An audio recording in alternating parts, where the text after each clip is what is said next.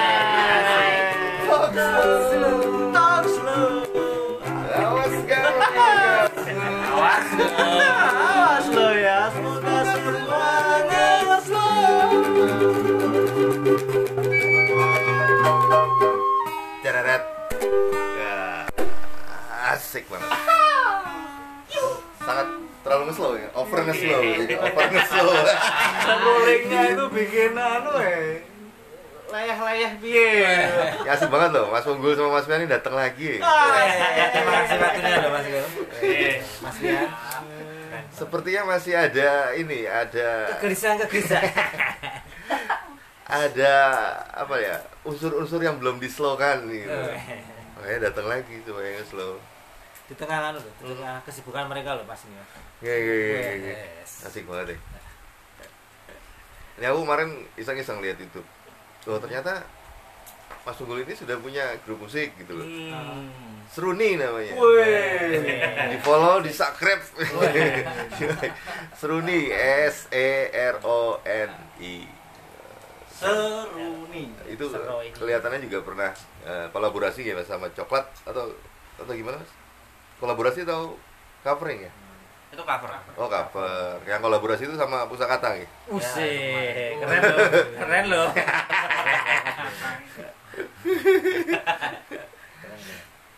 Eh ini mas. Pastinya ketika ada unsur apa ada kata kolaborasi atau ada kata covering itu pastinya ada sedikit beban gitu. Sedikit beban geremet-geremet nervous atau apa gitu. Ceritain dikit dong mas proses ketika kolaborasi sama pusakata tuh gimana sih mas sampai akhirnya bisa kolaborasi Ah, kalau sama pusakata itu kan karena acara itu ya LOL ya. Yang Flazer. Itu waktu itu sebenarnya dari temen itu. Sebenarnya dari teman-teman di kampus. Nah temanku itu dilalai gitu. Iya. Eh, kakaknya itu yang ngurus eventnya. Terus kebetulan waktu itu memang temanya tentang kebudayaan. Terus dikontak lah aku waktu itu terus katanya kayak eh, karena ini temanya tentang kebudayaan kami mau eh, nanti gestarnya pada waktu itu belum tahu siapa sebenarnya. Sebenarnya- sebenarnya belum tahu siapa. Terus biar bisa collab sama gamelan. Nah kira-kira bisa nggak? Gitu. saya waktu itu pada waktu itu saya ngomong ya bisa bisa aja bisa bisa aja terus ketika akhirnya pusakata itu baru ditentukan kalau guysnya gestarnya itu pusakata itu kan baru agak belakangan itu. Karena awalnya itu mau siapa Adit Aditya Sofyan. Oh Ditya Sofyan. Ya pertamanya mau itu terus ternyata diganti pusakata terus pada akhirnya eh, itu kan aku sama teman-teman akhirnya eh, mulai latihan terus kita sama pihak pusakatanya disuruh menentukan lagu waktu itu. Terus akhirnya yang dipilih waktu itu lagunya wanita akad sama wanita dalam pelukan kalau nggak salah ya. Terus kita nah karena untuk collab collab sama gamelan itu ada kayak apa ya istilahnya? Sesuatu yang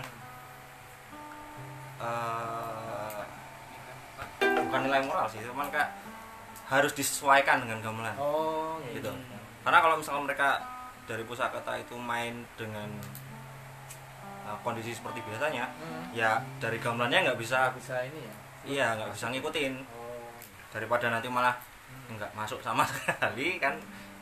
Nanti sananya juga yang malu gitu loh. Karena karena nggak bisa maksimal gitu Iya. collabnya.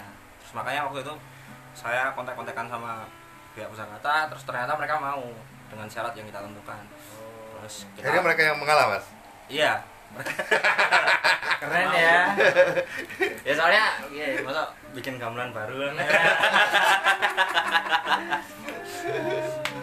Gitu terus akhirnya latihan terus pada hari H kita bisa collab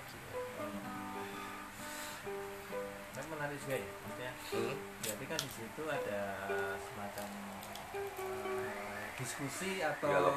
diskusi dan punya apa ya ini tradisi khususnya gamelan punya bargaining power juga melihat konteks ini ya karena kalau kita lihat juga pusakata juga secara eh, nama dan secara ini ya secara popularitas kan sudah ini ya.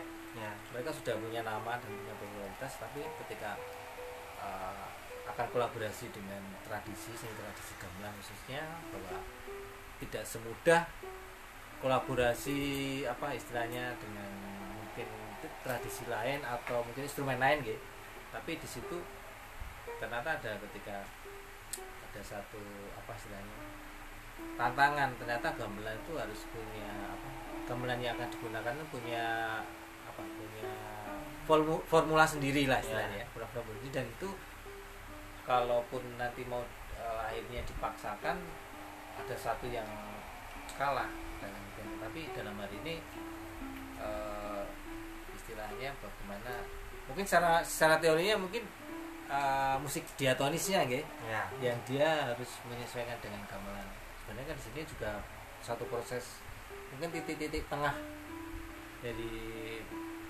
Mas Unggul yang ini ya apa yang harus harus bekerja keras toh itu Mencari titik Pikir. tengah juga. Nah, titik tengah juga gitu. Yang lalu ya. iya akhirnya nyambung juga ya berarti kan eh, satu istilahnya proses yang luar biasa ya gitu. proses seni proses budaya yang ini ya, yang luar Ya. biasa Itu kan eh, di luar mas. Ketika Seruni bertemu dengan musisi lain, dicari titik tengah. Nah di dalam Seruninya sendiri itu ternyata sepertinya juga sedang mencari titik tengah. iya Karena kan Mas Fian salah satu personilnya ini kan ah, basicnya tradisi gitu loh. iya Tiba-tiba harus eh, dicari titik tengahnya dengan konsep-konsep Seruni. oh Kesulitannya gimana Mas Fian? yang paling umum yang paling ya? yang paling umum. Paling umum toh kayak kesulitannya sih yang yang apa ya bisa dibilang hampir mesti ditemui kalau menggabungkan musik Hmm. non gamelan terutama Hmm. musik barat lah katakanlah seperti itu. Dengan gamelan adalah tuning nadanya.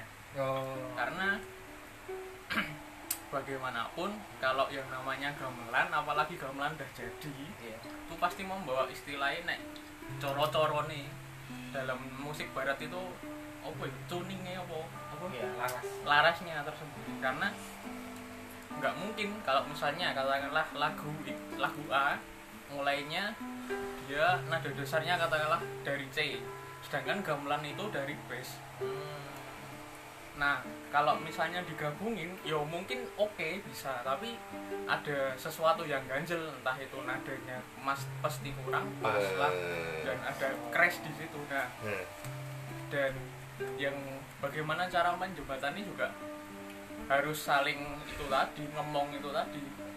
Apakah yang musik yang sana mau menurunkan kuncinya oh. atau dengan cara gamelannya dilaras pun kalau gamelannya dilaras dengan ada C juga membutuhkan waktu yang lama biaya dan iyo nek dadi nek misalnya Oh. kau nadane gamelan malah wah kan iya iya iya. juga anu apa istilahnya mubazir juga tapi kalau itu dikatakan sebagai eksperimen ya oke oke aja sih. Lalu begini, eh, seru nih khususnya. Mas Unggul ini kan sebenarnya gampang aja mas.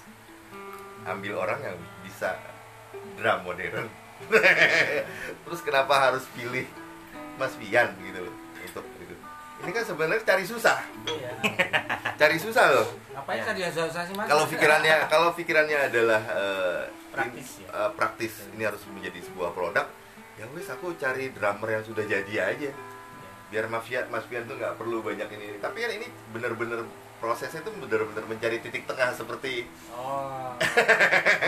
Pertemuan yang kemarin. pertemuan yang Kita kemarin gitu loh.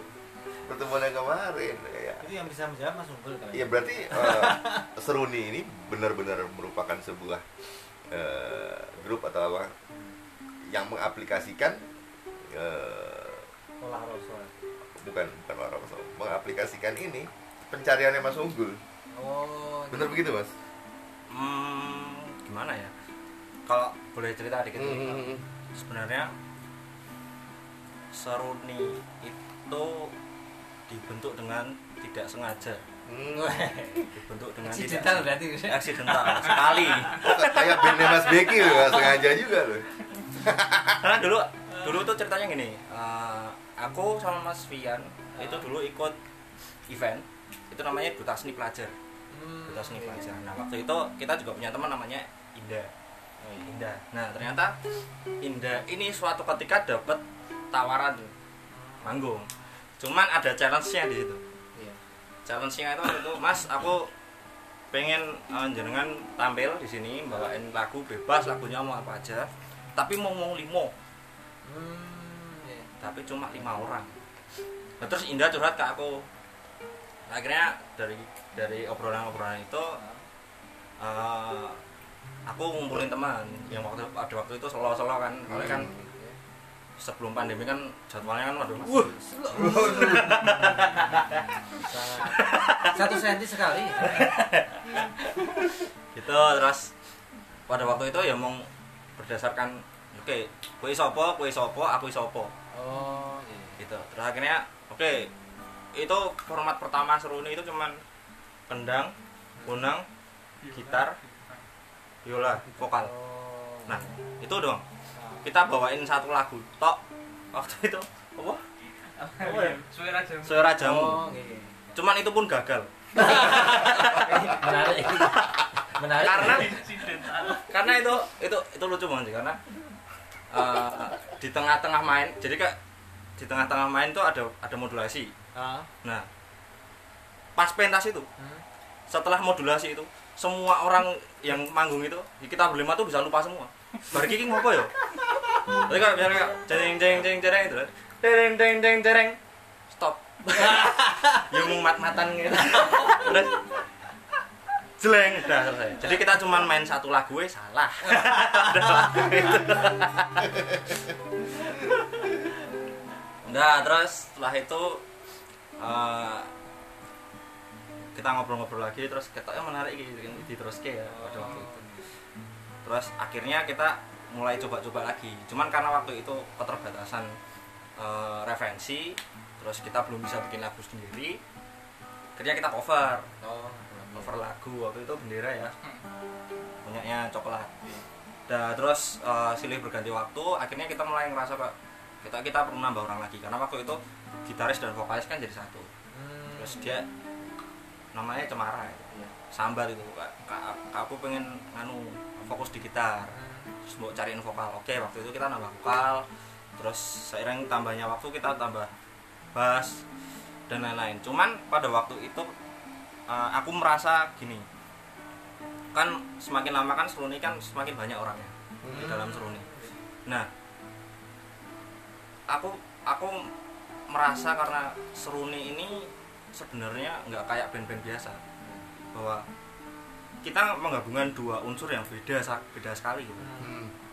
Terus dalam penggabungan itu kan nggak cuman di, di situ kan nggak cuman aku gitu loh Iya, iya. bahwa orang-orang yang main juga terlibat di situ ketika aku mendatangkan orang baru itu prosesnya itu harus tambah lama lagi Oh. karena untuk apa ya istilahnya menggabungkan dua ideologi yang berbeda ini ki susah Iya. jujur aja susah nah sampai pada akhirnya kita ke titik pada waktu itu oh mau ikut lomba. Pak, kanca ke festivalan nah pada waktu pada waktu itu mau ikut lomba karena karena udah mulai masuk pandemi ini. Oh, jadi baru-baru ini. Terus kita ikut lomba jebret ternyata kita nggak masuk juara sama sekali. Jadi ada 10 nominasi gitu ya Oh. dari dari banyaknya peserta dan kita sama sekali tidak masuk ke situ. Hmm. terus kita cari dong kenapa kita nggak bisa masuk di situ. Terus ternyata salah satunya karena kita kurang mengeksplorasi lagi. Kita kurang mengeksplorasi lagi. Terus pada akhirnya uh, seperti pembicaraan yang lalu bahwa aku tuh atau mungkin kita kami itu pada waktu itu mungkin udah merasa di titik nyaman itu tadi. Iya, bahwa iya, kita iya, udah iya. merasa oke dengan kayak gini kita harus ketoknya sapi gitu. Iya. tapi ternyata dengan kejadian kemarin itu bahwa kita akhirnya eh, refleksi evaluasi terus wah ternyata kita belum ada apa-apanya. Terus oke ayo kita expand. Kita invention lagi invention lagi. Nah pada waktu itu eh, sebenarnya posisi perkusi ya. Perkusi artinya kayak yang pegang ritmenya itu. Iya. itu sebenarnya ada dua. Ada yang namanya Mas Fian sama Bebek atau Andra. Iya. nah karena biasanya di seruni itu kita pakai kendang sebagai ritmisnya. Kita coba menggunakan drum nah daripada tambah orang lagi terus kan waktu itu eh, aku nantang Mas Wih. nantang Mas Fian Mas gue gelem ra sinau drum Sopo ngerti adewe iso menemukan sesuatu yang baru lagi setelah ini gitu. Nah, misalnya gue gelem kok tak tukok ke drum Wis. tapi kue sesasi wis kudu iso ini ini ini. ini. pada waktu challenge gitu dan akhirnya Mas Fian mengiyakan. Waktu itu aku coba cari uang terus dapatlah itu drum Oke. nah hubungannya dengan ya, pernyataan di awal tadi bahwa kalau misalnya aku berpikir bisa aja sebenarnya kayak aku minta tolong temanku yang bisa main drum terus tolong bantuin dong grupku aku butuh drummer gitu. Oke mungkin bisa bisa aja tapi mungkin dia juga punya idealisme bermusik sendiri kan. Iya. Oh. dan itu prosesnya cukup lama Lama nih. untuk akhirnya kita bisa kempel gatuk satu sama lain. Karena di dalam seruni itu sendiri semuanya orang-orangnya itu apa ya istilahnya Aneh. bukan aneh Oh, bukan aneh. ya mungkin aneh mungkin aneh apa ya eh, enggak enggak semuanya itu memang concern di musik Oh iya. enggak semuanya memang concern di musik dan malah justru itu yang membuat apa ya di seruni itu jadi lebih berwarna Hmm. karena kalau mau jujur ya da- seruni sekarang ada 8 orang sama Mas Ardi itu yang pegang manajernya jadi kalau tujuh orang yang main ini selera musiknya itu beda semua Oh. itu nggak ada yang sama dan itu bedanya aduh gitu tidak bersinggungan. tidak sama sekali tidak ada yang bersinggungan ya. misalnya aku senang jazz Mas Wen di Karawitan nah, itu bebek itu undang dangdutisme banget pokoknya ya. total ya. Terus ada Cemaring dia yang pegang biola itu dia dari klasik musik klasik Oh, iya. Cemara itu pop terus eh, sekarang itu vokalisnya Tata itu dia dari SMM tapi dia seneng musik-musik indie. Oh, jadi memang nggak ada yang sama di situ. Dan itu justru menambah challenge buat kami semua. Pada akhirnya setelah Mas Fian belajar drum kita semua jadi belajar bahwa kita oh kita bisa mencapai ini. Tapi untuk mencapai ini kita butuh ini gitu. Misalnya kayak Cemara yang biasanya dia pegang gitar akustik gitu. Ah. harus sekarang harus belajar gitar listrik gitu. sekarang harus belajar melodi. Nyetrum dong. Jangan, jangan sih juga masalah nyetrum dengan seru nih, jangan jangan. Oh, iya, Itu nanti kita khusus. Kita listrik ya itu nanti, itu aja cerita kita bahas nanti di endingnya. Kita lanjutkan dulu. Gitar listrik ya dicocok nyetrum dong. nah gitu karena eh, menurutku gitu Eh, karena latar belakangnya memang bukan dari musik tapi bag- menurutku sesuatu yang menyentuh di seruni itu adalah semua teman-teman yang ada di situ tuh mau belajar. Oh. jadi misalnya oke kita ada ini jebret. Ya aku kudu sinau aku nggak bisa genre ini tapi aku mau belajar belajar ini gitu. Dan itu yang menurutku bagus. Daripada aku ngundang orang lagi yang memang udah profesional terus biasanya biasanya ya ini sok gampang kayak gitu. Iya, iya. sok gampang ah paling mau ini paling mau ini tapi dia tidak prosesnya itu loh. Akhirnya kan nyatok ke rasa gitu. akhirnya kembali ke rasa tadi itu tadi jadi kita bertujuh akhirnya bisa menjadi satu rasa dari genre musiknya yang mungkin beda-beda idealisnya beda-beda tapi iso dari siji menurutku itu yang lebih penting daripada daripada ya wis Satu hasil. iya Ini menarik nih mas. Ini, Apa, ini nyambung dengan eh, kalau yang saya lihat, maksudnya konteks kita ngobrol-ngobrol kemarin tentang keakuan itu. Sebenarnya di sini juga bisa Mas Unggul apa istilahnya mencanangkan eh, mem- bukan menuntut sih bahwa pengakuan bahwa aku dalam artinya ketika diaplikasikan di seruni itu dengan mudahnya dia bicara bahwa konsep seruni itu aku jadi dia ting- tinggal ngambil tuh orang-orang yang berkompeten jadi di situ dan hasilnya sesuai yang Mas Unggul gambarkan gitu loh inginkan itu. Tapi di sini enggak apa bahwa konsep seruni itu ya ya mungkin rasa itu nggak mas ya gila kerasa lagi loh bagaimana Hasil mendalami? saya. Bermata di mana? Ya itu itu menarik banget ya mas ya. Iya nggak? Jadi eh, unggul itu menurut saya adalah dia tahu kebutuhan menurut saya. Bukan masalah lain tapi kebutuhan. Kebutuhan di seruni itu apa? Ya ini proses. Berbeda ketika suatu saat ini terjadi loh dalam band saya juga. Saya dulu anak band. Anak band ya? maaf bukan bermaksud apa-apa. Oh, iya. ketika sudah tayang ke sana ke sini ke sana ke sini awal iya. Awal iya kita proses. Tapi set- setelah sudah ke sana ke sini ada yang nggak bisa ya audisional. Nah ini ini perlu di perlu dipertahankan ketepatan mengambil suasana hati. Dalam konteks ini ya kalau memang kamu ini prosesnya belajar ya saya akuin jempol dan memang seharusnya seperti itu. Karena apa? Akan lebih kaya lagi. Tapi berbeda lagi nanti ketika memang sudah dibenturkan dengan masalah-masalah yang lain yang entah itu bukan karena apa ya, entah sakit entah apa entah Oh, apa. iya, ada. penyikapan itu juga harus ada jembatannya. Nah itu menarik sekali. Dan kenapa kok ngasih challenge sama si Vian? Kamu harus belajar drum menurut saya ini adalah sebuah bentuk loyalitas pertemanan menurut saya. Iya. karena lo kenapa? Wong aku bisa lo main gitar unggul. Aku bisa lo main kenong kita kita bisa sama-sama bisa. Ayo dong. Artinya di sini malah justru ada pionir pecah pecambuk untuk membuka diri si unggul memberikan kepercayaan kepercayaan sama teman-teman. Nah itu yang menarik bagi saya. Jadi tidak semua orang memiliki sifat seperti itu. Mampu mampu menempatkan pada porsinya. Iki porsinya seruni ini belajar proses. Idealis nggak ya konsep idealis kita gitu loh. Kamu menempatkan dia Iya. menarik itu. Cuman memang karena memang semua proses ya. Kayak saya juga sampai sejauh ini pun proses bukan untuk musik untuk karya untuk apa bahkan untuk bekerja pun semua butuh proses. Dan suatu saat punya capaian tersendiri capaian sendiri. Dan itu harus ditegaskan pada teman-teman karena da- dulu kemarin waktu saya dulu waktu SMA itu ya akhirnya cerai berai karena ad- ada ke- tumpang tindih ya tumpang tindih informasi yang sebenarnya itu bisa disosialisasikan dengan ngobrol seperti itu. Makanya pertahankan untuk si unggul terutama mungkin di sini unggul ya yang menjadi headnya ya.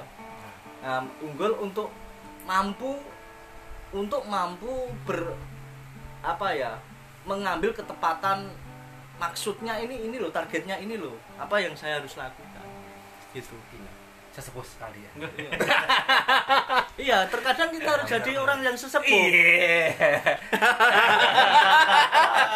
Tapi enggak ini memang Iya, iya. anu ya kasusnya terjadi pada diri saya secara pribadi. Artinya saya juga pernah seperti itu. Wes pokoknya gue iso iso kudu iso latihan iki kudu iso latihan iki kudu iso latihan iki. Tapi setelah sudah naik dan sebagainya enggak jarang. Akhirnya terbentur pada sebuah kasus akhirnya melupakan hal-hal yang itu. Maksud saya di sini adalah tetaplah menjadi seperti ini. Wes. Tetaplah menjadi seperti ini. Konsep dasarnya belajar bareng. Ketika itu sudah mendapatkan sesuatu ya ayo dipangan bareng. Iya. Hanya itu sih menurut saya.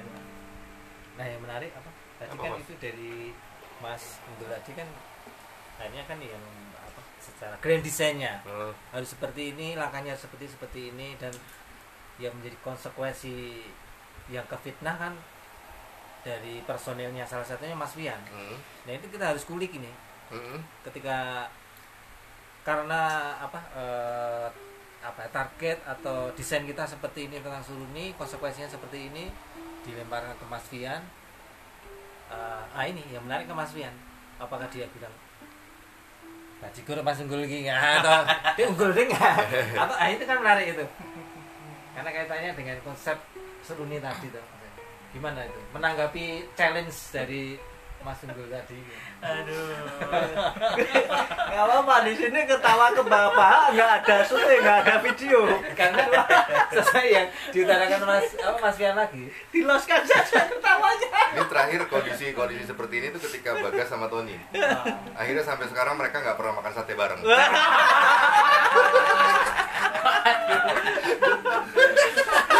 Karena dewe dewe tadi yang diutarakan Mas apa Mas Fian kan ketika ada kolaborasi uh, tradisi dan uh, modern lah gitu secara oh, ada problematika secara teknis Ma- uh, secara konsep teorinya gini-gini melodi yang diutarakan.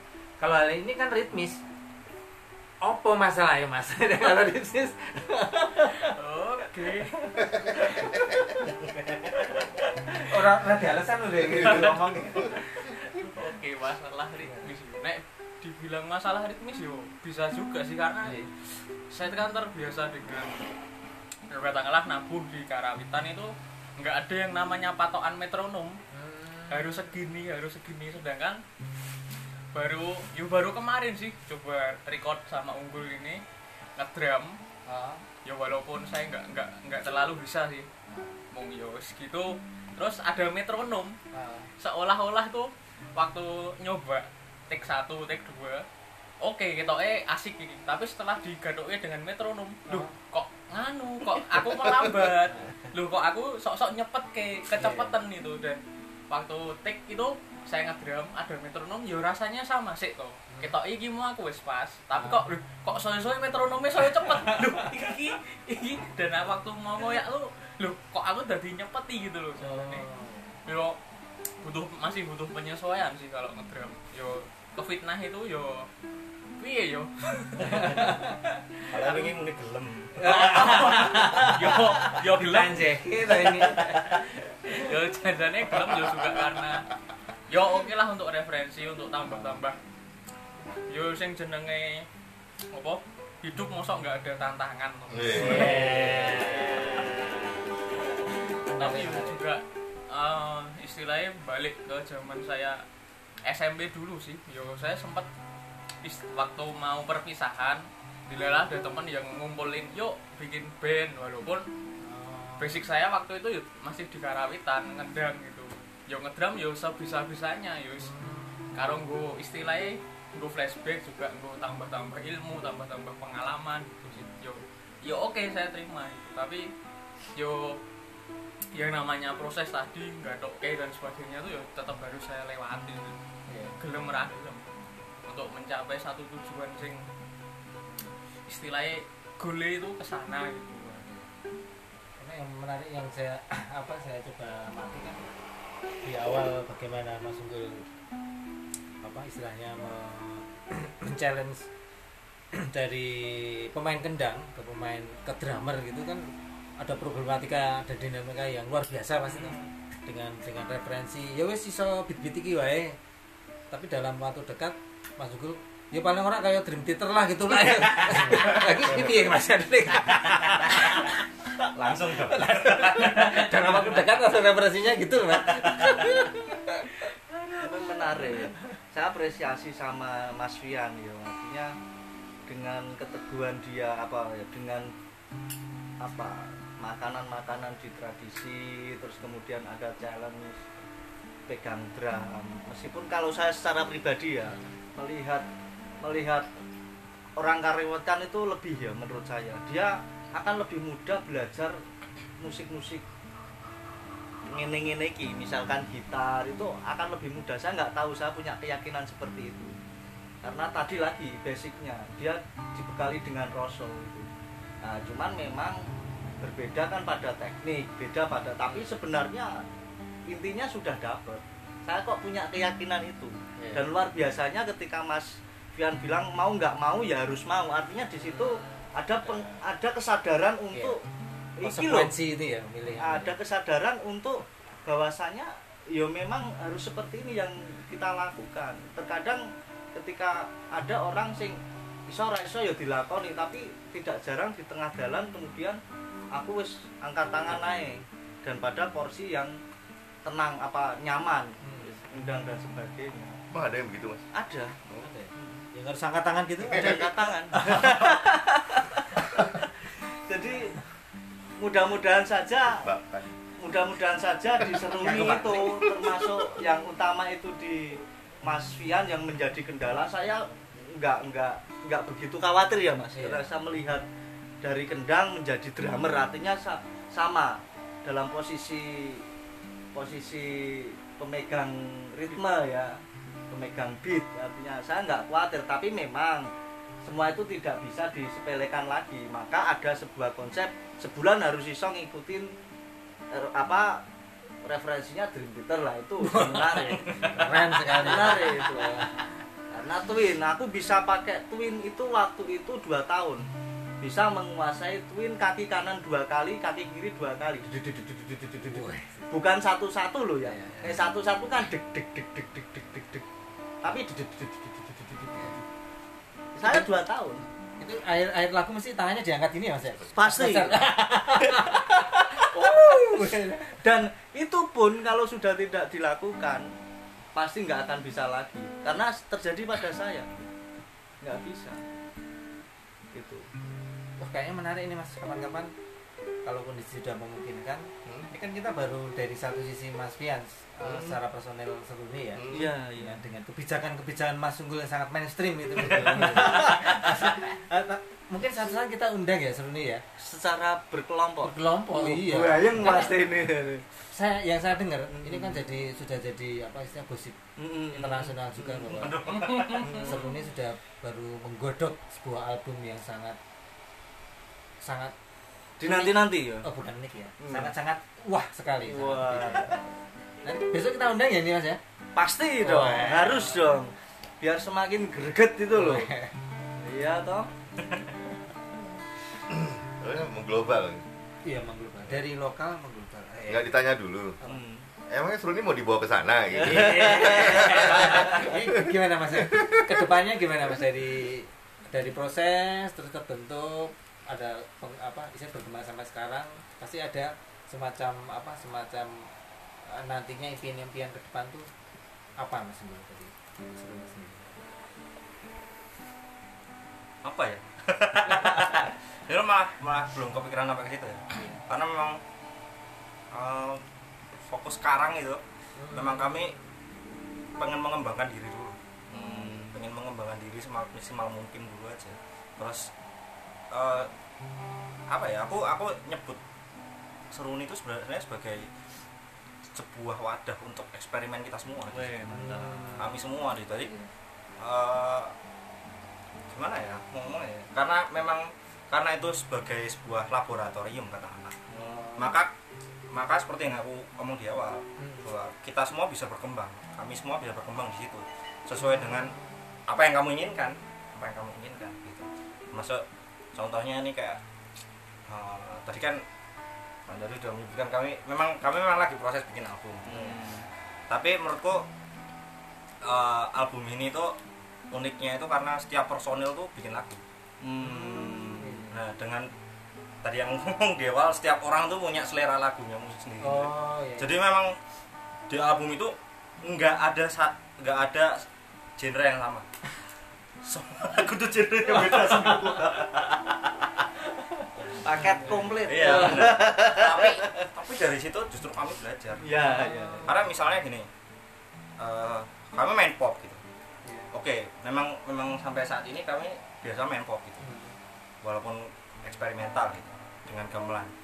Tapi dengan format yang gitu-gitu aja ya akhirnya kita cuman ya ya wes cuman sampai segitu doang. Tapi begitu setiap orang bikin lagu dengan eh, kekreativitasan masing-masing otomatis semua personel yang ada di situ harus beradaptasi. Oh, iya. contoh sederhana kan misalnya kita yang biasa main pop tiba-tiba Bebek atau Andra itu bikin lagu dangdut. Itu secara ritmenya udah beda Iya. ya kan? Secara penyikapan instrumennya juga udah beda. Terus masing-masing dari kita itu juga harus belajar dong harus beradaptasi. Kalau dengan format yang sama ya wes nggak bakal jadi lagu dangdutnya Oh, iya. gitu. Mungkin eh, yang wes siap itu ya? Bebek nada nada terus nanti ada juga eh, ya macam-macam lah. Genrenya tuh banyak banget. Ada tujuh genre berarti. Itu Oh, iya. di album itu. Dan itu beda semua gitu. Berarti konsep tujuh lapisan itu ya?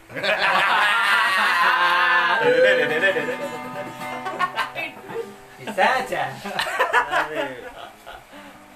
Nah, tapi aku kok punya firasat yo bahwasanya itu kemunculan seruni itu sangat sangat membawa arti nantinya untuk sebuah perkembangan musik Indonesia.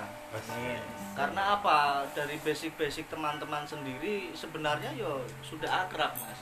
Beda seperti saya, tidak kena orang tua juga tidak musik, apa juga tidak tidak, tidak ada seperti itu. Meskipun memang harus didasari kembali kepada diri di- masing-masing juga itu. Tapi saya punya punya firasat ya artinya secara kesenang wah kok aku seneng ya ngrungokno ini wis seneng loh Mas saya.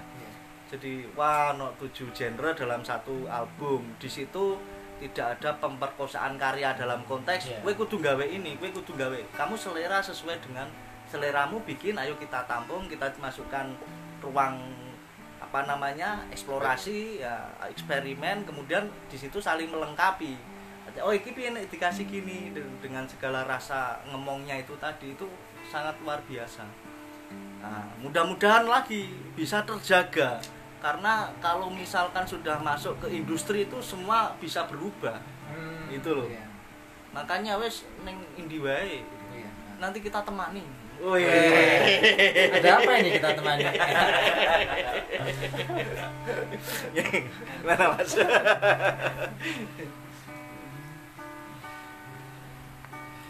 Oh, Oke, ah, Oh. kan saking saking apa saking ternyata di luar ekspektasi kita ya. Enggak, enggak. Kalau aku sih li- lihatnya ke sisi ini sih, sisi optimis aja sih. Iya. Karena ya anak-anak muda sudah bisa berpikir dalam dan sejauh itu. gitu. Kenapa yang tua-tua enggak? Dan gitu dong, yang yang menjelaskan jawab itu sudah bergerak loh ini.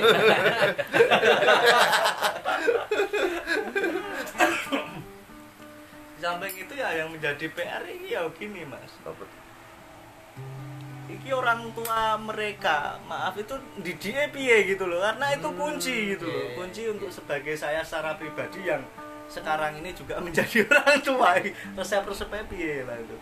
Mudah-mudahan memang suatu saat kita bisa ngobrol kan Dengan sesepuh-sesepuh Mas Fian, Mas Unggul dan teman-teman seruni yang lainnya.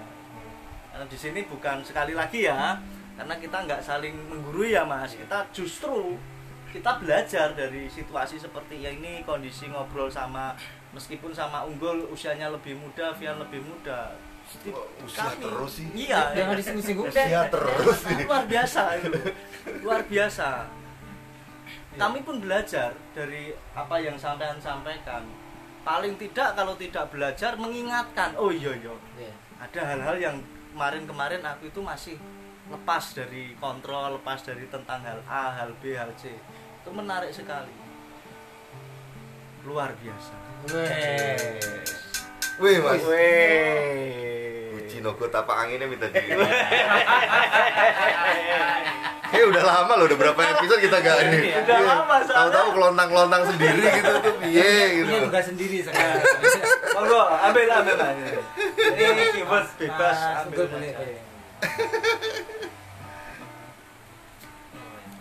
Unggul boleh. saja. boleh. hidup. Wah. Sangat seru nih sekali. Ini yang bisa menjawab siapa nih? Monggo, Mas Monggo, Pian sama Mas Pian Sugul. sama Mas Dari Sugul. rantai dari anu, Mas Fian ini. Monggo, monggo. Ada sudut apa angle yang berbeda ini. Pak. lihat hidup juga tentang hidup lah oh oh ya bicara tentang hidup As, Asik. Mari teguh tenan iki.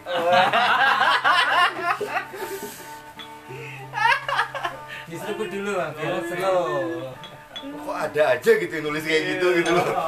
Kayaknya hidupnya berat ya. Sampai nulis hidup. Butuh Tapi kalau tentang hidup. orang yang merasa hidupnya berat ada beban ketemu dengan orang yang merasakan sama dan frekuensi yang sama tambah berat. pasti ada hal yang positif. Monggo Mas Bian.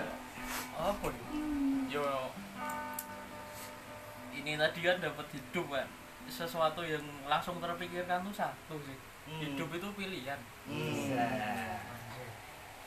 Penerian tantangan untuk main drum atau enggak gitu ya salah satunya itu karena eh, flashback sih ke waktu dari SMP peralihan SMP mau ke SMA atau SMK Iya, itu iya. apa yo balik lagi ke eh, nyambung yang kemarin sih. Nyambung yang kemarin pengalaman saya waktu apa waktu kecil seperti itu lalu di SD dapat apa pelajaran karawitan dan pelajaran itu dari kelas 4 sampai kelas 6 itu intens saya saya ikuti sampai sampai waktu kelas kelas 4 eh bukan kelas 5-an itu ada yang namanya lomba karawitan tingkat SD dan waktu itu saya dipercaya untuk megang alat musik kendang. Di mana waktu itu pertama kali saya main kendang sih sebenarnya. Oh. karena sebelum sebelumnya saya saya bukan bukan di kendang tapi setelah kelas 5 kelas 6 saya difokuskan ke kendang. Di situ ikut se- sekali lomba itu ada apa ada cerita yang unik karena waktu waktu latihan berjalan dengan lancar dari A sampai B itu berjalan dengan lancar. Tapi ketika pentas ketika lomba saya ada kesalahan di situ di mana harusnya temponya dari lambat ke cepat. Tapi waktu itu yang namanya baru pertama kali kan mesti ada rasa tegang dan sebagainya kurang pede dan sebagainya. Lalu ada ada salah. Jadi harusnya temponya maju tapi waktu itu saya ragu-ragu dan nggak jadi sampai akhirnya tapi untungnya nggak berhenti yo berjalan tapi nek coro-coro nih dilihat empu karawitan wis ah opo wis ra dadi mesti ra menang tapi di endingnya waktu pengumuman lomba kok yo dilalah dapat nominasi walaupun harapan satu. Walaupun harapan satu tapi kok yang dilalah ada we entah dari guru guru yang ngajar atau dari orang-orang orang tua yang ikut itu adalah wes rapopole itu adalah sebuah doa harapan biar supaya besok menjadi juara satu. Dan setelah setahun berjalan akhirnya ikut lagi dan dengan istilahnya bekal pengalaman yang kemarin pernah ikut dan dengan latihan yang intens akhirnya yo tambah ya? Enggak. Oh. Dilalai kok yo juara satu. mantap terus kok yo dilalai juga dapat nominasi pengendang terbaik. Nah setelah itu ya, waktu berjalan sampai eh, saya tuh juga terheran-heran karena di lingkungan bapak ibu itu nggak ada yang sama sekali nggak ada yang bergelut di dunia se- kesenian ibu kerja di susteran bapak di tempat tromo itu dan saya sama sekali dari bapak ibu nggak nggak pernah yang namanya kesentuh di dunia seni. Dan sampai akhirnya waktu kelas 6 mau ke mau lulus SD di situ guru karawitan saya namanya Pak Marioto itu eh, nggak tahu kok tahu tiba-tiba wes le wes sekolah SMKI nah di situ saya sempat ragu sih oh opora ya opora ya? Karena waktu SMP berjalan itu bapak ibu tuh pengennya aku sekolah di SMK SMK eh, waktu itu yang diarahkan ke STEM Bayu dan ambil apa mesin gitu loh. Karena waktu itu bapak cerita gue sesuk nek misale lebu SMK njupuk mesin terus sopo reti nek misale iso ke rekrut sebuah apa perusahaan. perusahaan mesin atau apa. Toh nek misale kuwi engko apa apes-apesnya di PHK di perusahaan itu bisa bikin bengkel sendiri gitu loh. Bisa ngedeke bengkel dewe terus bisa nganu. Bapak dulu sempat cerita seperti itu tapi kok aku tetep pengen neng SMKI ya dengan dengan itu. Walaupun waktu waktu aku memutuskan pengen di SMKI ibu juga me, istilahnya mau warming karena yo cerita-cerita yang beredar di luaran sana kan lingkungan Iya, iya. Dalam tanda kutip zona apalah zona merah atau zona seni kan pasti ada sesuatu yang miring. Nah, tapi seiring berjalannya waktu yo karena aku pengennya di situ yo aku berusaha meyakinkan ibu. Berusaha meyakinkan ibu. Dan untungnya waktu itu bapak yo wis karepmu iki pilihanmu wis kowe lakonono. Tapi yo itu tadi di sisi lain ibu masih mau mau warming tanda kutip itu tadi dan yo berjalannya waktu ke sini yo itulah yang namanya hidup itu pilihan Iya, nek aku wis iya. menekuni neng kene yo wis pilihanku iki apa sing ono neng Arab yo tabas Weh. lakoni dan sebagainya itu sih kalau hidup pilihan tuh saya berawal Los, dari ya. Heeh. yo wis iki pilihanmu kan iki uripmu jalanmu wis lakoni Tujuh mas Unggul. pasti pasti menarik ini mas Budika Tanya tentang hidup ini. Eh, apa ya? Seru banget iki Sing tulis apa ya mau ya? Saya. Nulis apa? Gitu. apa ya? Ah, mungkin hidup itu dinamika. Dinamika ya? Dinamika. Atau mungkin berkembang. kembang enggak tahu ya aku kepikiran itu aja. Karena mungkin um, melihat dari lingkunganku dari circle teman-temanku. Mungkin ada orang-orang yang apa ya mungkin bahasanya terjebak. Entah itu dalam zona nyaman ataupun zona tidak nyaman gitu. Kayak oke ini agak, agak menyimpang dengan obrolan kita dari di depan-depan kayak mungkin dari masa-masa sekarang ini kan masa-masa pandemi Iya. orang-orang lebih sering di rumah itu di satu sisi memang bagus bahwa kita bisa merefleksikan dari kita sendiri apa yang telah kita lakukan dan lain-lain. tapi di sisi lain itu justru membuat apa ya nek istilah wong saiki iki insecure gitu insecure. Dan banyak orang yang terjebak di dalam keinsecurean mereka. Jadi mereka nggak bisa berkembang nggak bisa bebas. Nah, gitu. Mereka mereka terjerat dalam pikiran-pikiran negatif mereka. Oh, Mungkin- iya. bisa bera- berawal dari hal-hal yang simpel banget. Tapi itu bisa sampai levelnya itu ke tahap yang akut. Akut Iya bisa bisa sampai depresi juga. Oh, Iya. dan udah banyak teman saya yang udah masuk rahasia sekarang. Oh, enggak serius beneran. Aduh. beneran. Cuman gara-gara mikirin hal-hal yang sebenarnya nggak nggak begitu penting. Iya.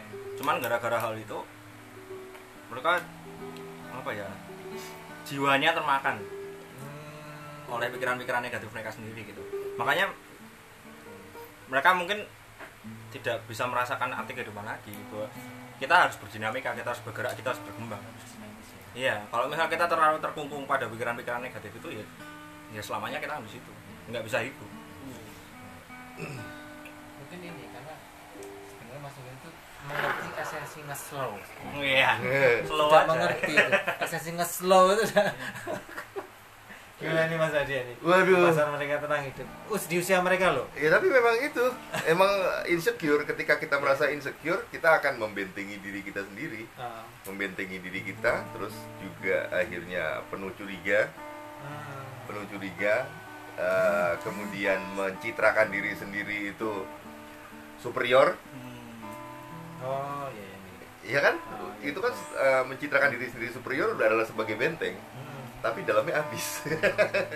dalamnya habis insecure. Nah itu yang yang juga aku tangkap belakangan ini. Terjadi. Terjadi. Begitu banyak orang yang ini kok jadi ngomongin orang ya? Nggak tapi ini kan fenomena. Ini ini fenomena gitu loh. Ngomongin, ngomongin diri sendiri Hmm. juga. Ketika rasa insecure itu eh, tinggi kemudian mereka berpegangan kepada kata-katanya Sun Tzu bahwa pertahanan terbaik adalah menyerang. pertahanan terbaik adalah menyerang. gitu. Jerman sekali itu. Iya. Ketika mereka fokus kepada menyerang, pertahanan diri mereka sendiri ambrol. Gitu. Iya. Ambrol. Ya sekarang kelihatan banget kan fenomenanya di Iya. sosmed di ini di, Iya. ini, itu kan eh, rasa insecure yang sangat tinggi gitu makanya mereka apa komen di mana-mana bla bla bla bla untuk menunjukkan superioritas mereka gitu. Sebenarnya kosong. Oh. ini obrolan-obrolan kita yang kemarin itu. Loh Oh, iya. Masuk ke situ. ya. Tapi keluar dari dari mulut Mang Sunggul itu kaget juga loh betul betul. Nah, kalau memang hidup itu memang menarik ya nggak ada habisnya kayak cerita wayang ya akan ada habisnya.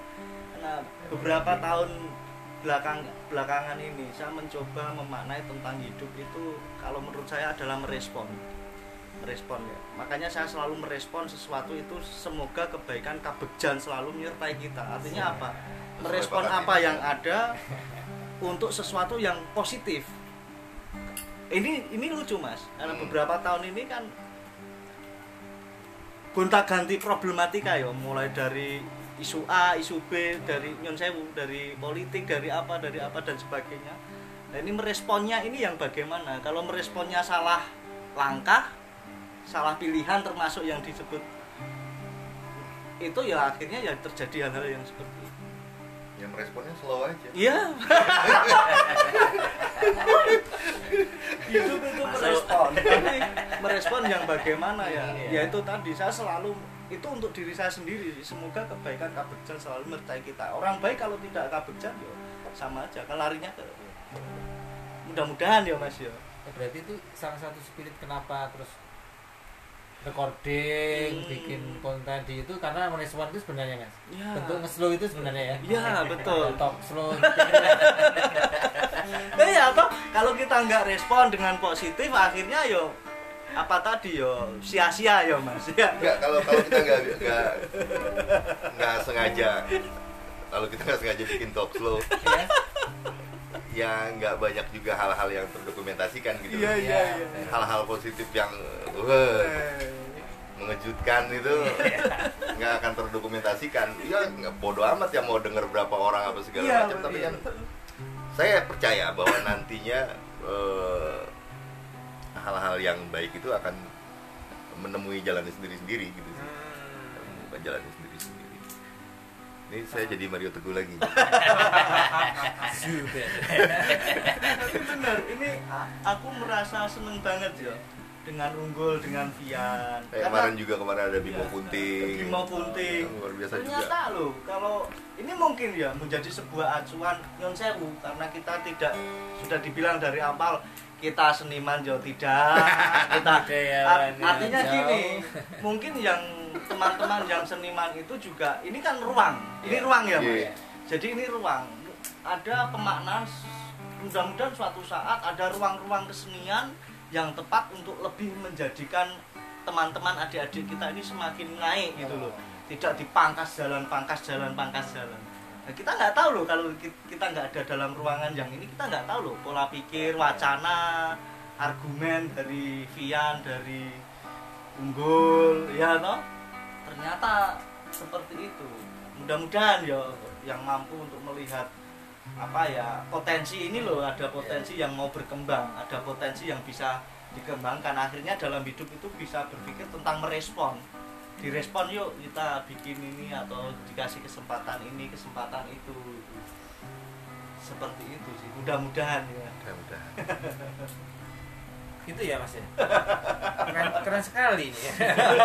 keren sekali nih. sampai tidak bisa berkata-kata iya Tidak bisa tak terurai. bisa ya. terurai dengan kata-kata seru nih ya seru nih luar biasa dari kembali ke seru nih tadi. Ini baru dua loh mas. Belum ketika tujuh loh kita obrolkan Tujuh lapis itu ya. iya. Bisa bisa tujuh jam Cangkep Jong. itu. Cangkep itu ya. dan lagi-lagi waktunya sudah mepet. Wih. Nggak terasa ya? Iya ya cepet banget ini waktunya. Obrolan malam ini waduh bikin jidat mengkerut. Jidat mengkerut tapi hati lega. Wah. Menurutnya begini eh, aku terus terang merasa semakin menyesal. Semakin menyesal kenapa nggak dari dulu aku pindah ke sini gitu. Iya, curhat nih, curhat. kalau ke sini lagi responnya beda lagi loh. Kalau udah. Kalau dulu awal ke sini pasti di sini dengan pahenya. Hmm. kembali tadi kembali tadi. Kalawanci itu tadi Iya. wes nyelip nyelipin nih. Beli promo aja. Promo aja. Padahal belum diinstal Oh, ya banyak eh, nilai kebaikan itu ya nggak semuanya nggak nggak nggak selalu datang dari yang usianya sudah sepuh atau gimana dan itu juga yang ini aku seneng banget karena aku tuh sangat tertarik dengan pandangan-pandangan milenial-milenial seperti Mas Pian Mas Unggul ini gitu. Untuk membayar apa? Membayar utangku sendiri. Karena aku di saat usia seperti Mas Unggul Mas Pian itu sendiri aku nggak mengalami proses Iya, itu iya, gitu iya. loh. nggak mengalami proses itu. Maka jadinya begini dablek ini. Ya luar biasa. Semoga laku beci laku beci ini juga menular ke banyak para slower yang turut mendengarkan. Semoga semua bahagia semoga semua gembira sesuai pakartinya masing-masing.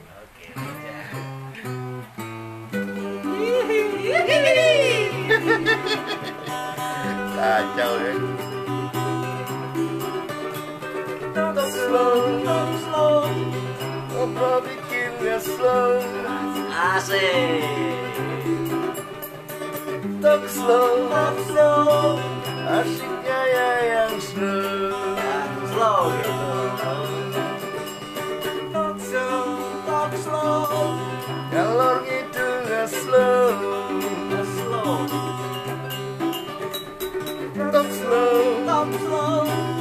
Awas kalau gak slow Awas lo. Slow ya. Semoga semuanya Thank you Mas Unggul, Mas Pian. Makasih, makasih